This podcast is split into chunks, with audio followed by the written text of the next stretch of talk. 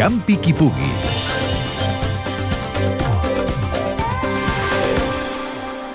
La cursa de l'amistat és de les últimes que queden pels romàntics. La primera aventura comença per trobar la petita botiga Mates amagada en un carreró del barri de Sants, que és l'únic lloc on t'hi pots inscriure.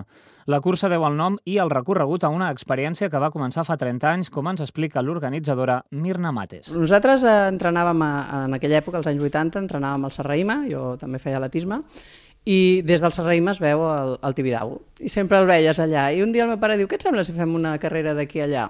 I com que anaven a entrenar al Tibidabo per allà a Collserola i tot el rotllo, doncs així vam dir, va parlar amb tota la gent que entrenava i uns quants més i es van posar 120 persones, o 118 van córrer la primera cursa.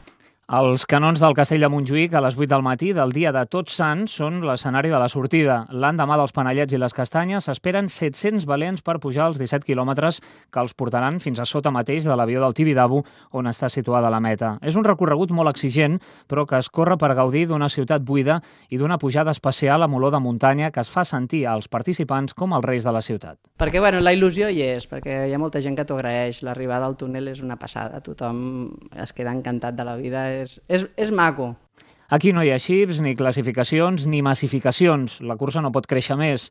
Tot és amateur i voluntari i recull l'esperit del fundador, el Francesc Mates, pioner de les curses d'orientació, de la primera cursa femenina i de fer amics amb l'atletisme de la manera com l'entenia ell. El dret d'inscripció era un obsequi.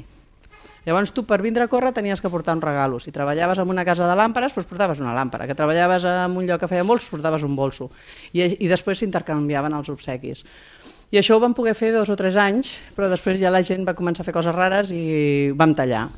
Ara el premi al guanyador és una flor i a tots els que corren la cursa la sensació d'haver tingut una experiència única que corre perill d'extinció i que només la voluntat de la Mirna Mates manté cada any. I és que la cursa és ella, aquesta mestra sabatera de les mítiques sabatilles Mates, no és conscient, però la cursa de l'amistat és artesania pura. Perquè la cursa continuï sent la mateixa, un consell, no ho diguis a ningú.